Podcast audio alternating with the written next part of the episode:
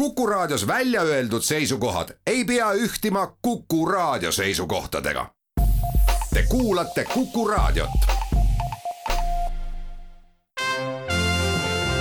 Tallinna Filharmoonia esitleb Filharmooniline huvitaja.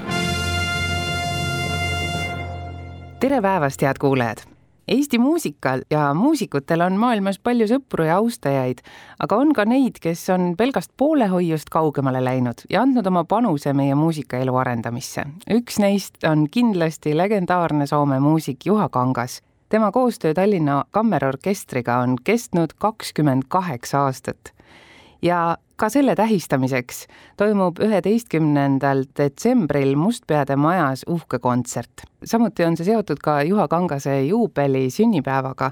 ta sai eelmisel aastal seitsmekümne viie aastaseks. et rääkida Juha Kangasest ja eelseisvast kontserdist, on hea meel tervitada Tallinna Kammerorkestri kontsertmeister Harri Traksmanni, tere päevast! tere päevast! Te olete Juha Kangasega pika aja vältel koostööd teinud kui te meenutate mm. seda, kuidas teie koostöö alguse sai, siis mis on võib-olla need toredamad hetked, mis teil meeles on? peab alustama sellest, et Eesti muusikute jaoks üldse oli seal ütleme eelmise sajandi lõpupool ehk siis üheksakümnendate kant oli see, kus väga paljud Eesti nii-öelda juhtivatelt kohtadelt muusikud hakkasid liikuma, kuna piirid läksid lahti. ja väga suur liikumine oli just Soome riigi suunas ja väga paljud, kes läksid, ka jäid sinna. aga siis oli üks inimene, kelle nimi on Toomas Veenre, kes mingil hetkel sattus sattus mängima, ilmselt asendama kedagi Juha Kangase Kesk-Põhjamaa kammerorkestris ja ta oli seal aasta aega. ja siis, kui Tallinna Kammerorkester nii-öelda ametlikult jalad alla sai, siis Toomas oli ka meie liige pikki aastaid, aga kuna temal oli see kogemus Juhaga olemas, siis see info nagu jõudis tema kaudu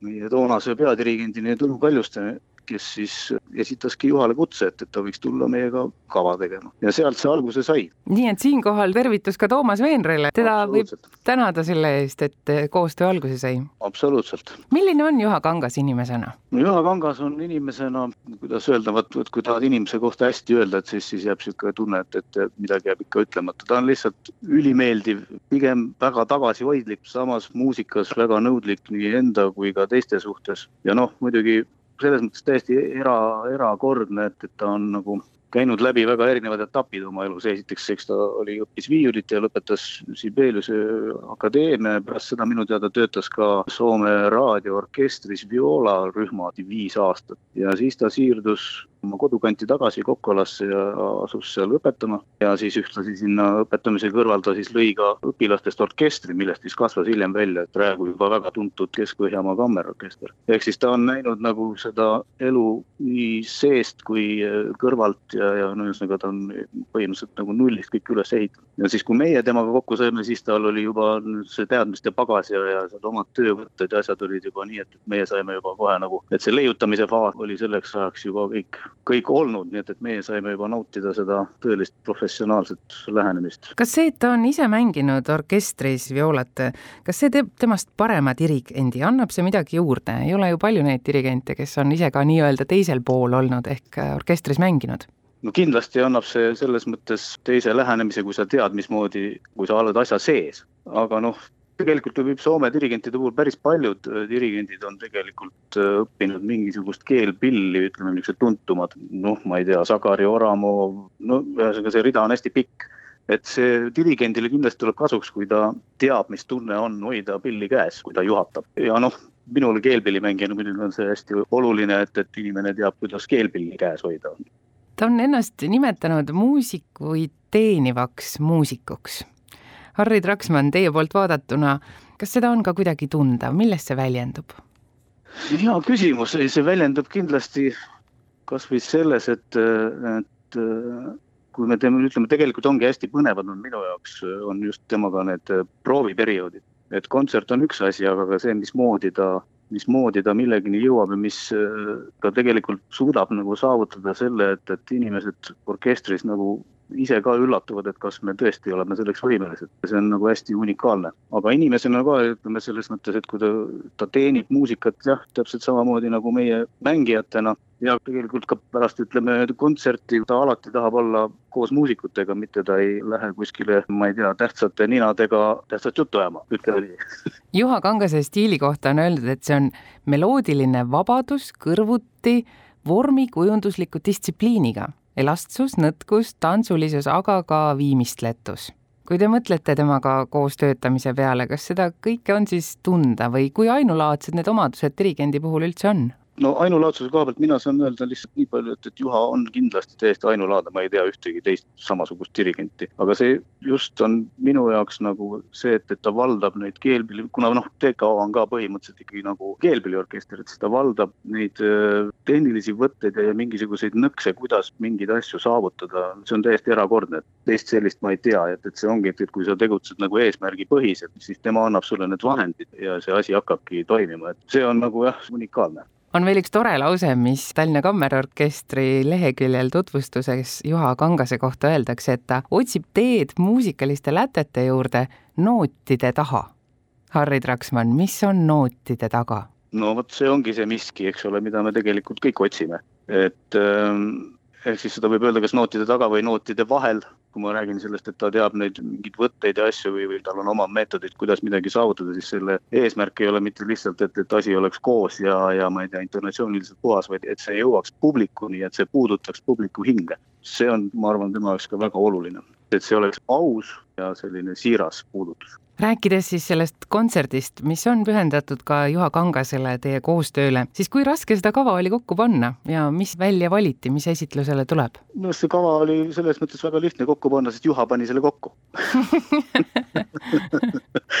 ja, ja kui ma sellele kavale siit otsa vaatan, siis saab olema väga vaheldusrikas. siin alguses on Endeli Concerto Grosso, siis, siis ta tegelikult mul oli omavahelises vestluses, ta tahtis seda just panna sinna kavasse, kuna Concerto Grossodes on teadupoolest on selline Concertino grupp ja siis on tutiorkester, kus siis nagu seda Concertino grupi osa esitavad siis äh, TKO rühma kontsertmeistrid ja tahtis, et, et siis nagu meie kontsertmeistrid saaks ka nagu natuke soolot tõmmata.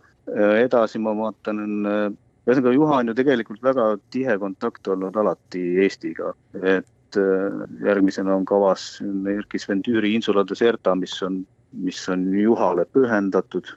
Kui võib-olla Eesti kontaktidest veel rääkida, millest võib-olla ei ole juttu olnud, ma tean, et ta oli väga hea tuttav ja sõber vara äh, lahkunud Peeter Iljega. Ja, ja siis ta oli ka veel omal ajal kirjavahetuses ja ta oli, oli tellinud ühesõnaga äh, Kuldar Singilt teose oma orkestri jaoks ja väidetavalt oli see teos vist isegi valmis saanud, aga, aga siis juhtus see traagiline õnnetus ja see põleng ja kus siis leidis traagilise lõpu nii Kuldar Sink kui ka see tellitud teos, nii et see teos kahjuks kunagi ei ei saanudki kõlama, et selline traagiline moment. ja loomulikult on väga legendaarseid lugusid Lepp Sumeraga seoses, nad olid ka väga head sõbrad.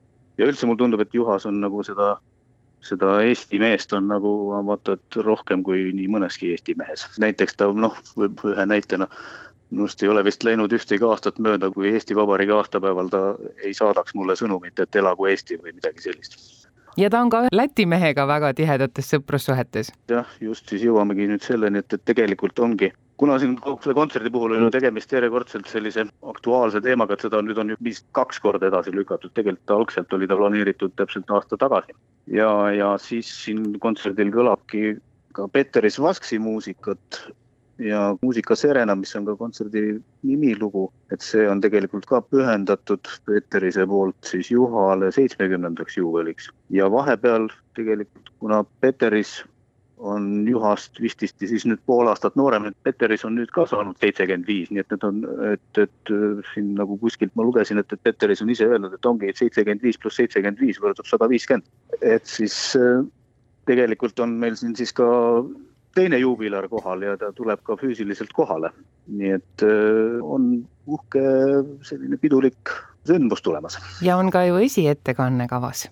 just, selle Veteris plaaniski, ta nagu kirjutas selle, see on küll minu teada on see nüüd uus versioon ühest varasemast teosest, aga et see tõenäoliselt on siis, ma oletan, ma ei ole veel partituuri näinud, aga et see on ilmselt keelpilli versioon. ja see ongi, ongi Peterisel mõeldud, et see on nagu nii tema kui ka Juha juubeliks siis kirjutatud.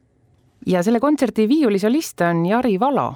just, ja Jari Valoga on, no temaga on siis see lugu, et tema on Juha õpilane ja ta oli ka algusest peale Juha orkestri kontsertmeister kuni siis vististi kuskil üheksakümmend neli või midagi, ta siirdus Soome raadiosümfooniaorkestrisse, kus ta on praeguseni kontsertmeister, nii et ühesõnaga ja TK-l on temaga olnud ka, ta on käinud meil varem ka solistiks minu arust isegi ma mäletan, kuigi ma olen ise väga harva olnud TK tegemistest eemal, aga ükskord oli ta isegi minu asemel kontsertmeistriks ja dirigendiks oli Juhan, et äärmiselt meeldiv, meeldiv inimene ja, ja äge viiuldaja ja värvikas kuju, nii et väga ootan, ma seda Nurkreni viiulikontserti ei tea, aga küll aga ma tean Nurkreni, kes oli ka, ehk siis Per Hendrik Nurkren, tema kahjuks on ka nüüd juba meie seast lahkunud, aga ta oli ka üks ülimalt soe inimene ja, ja noh, Juhaga nad olid muidugi väga, väga lähedased sõbrad.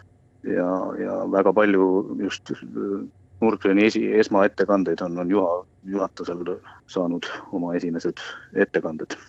Tõesti, siis rõõm on tõdeda, et legendaarne Soome muusik Juha Kangas on siia Eestisse, Tallinnasse kokku kutsunud oma head muusikalised sõbrad, et tähistada oma juubelit ja rõõmu tunda. nii et head kuulajad, te olete kõik väga oodatud üheteistkümnendal detsembril Mustpeade majja kontserdile Muusika Serena. ma usun, et sel õhtul saate osa sellest, mis peitub nootide taga.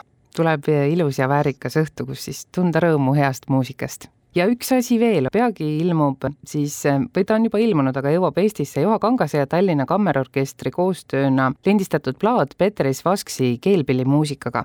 ja see plaat jõuab siis Eestisse just samal päeval, kui toimub ka pidulik kontsert üheteistkümnendal detsembril Tallinna Kammerorkestri kontsertmeister Harri Traksmann, ma väga tänan teid selle vestluse eest ja soovin, et tuleks üks ilus õhtu hea kontsert üheteistkümnendal detsembril Mustpeade majas aitäh ja tulge kõik kontserdile! ja olgu siia lõppu veel öeldud, et pileteid saab Piletilevist Muusika Serena üheteistkümnendal detsembril Mustpeade Maja Valges saalis.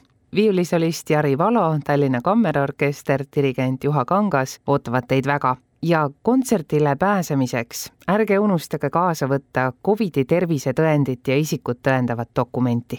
ilusat päeva jätku! Tallinna Filharmoonia esitleb Filharmooniline huvitaja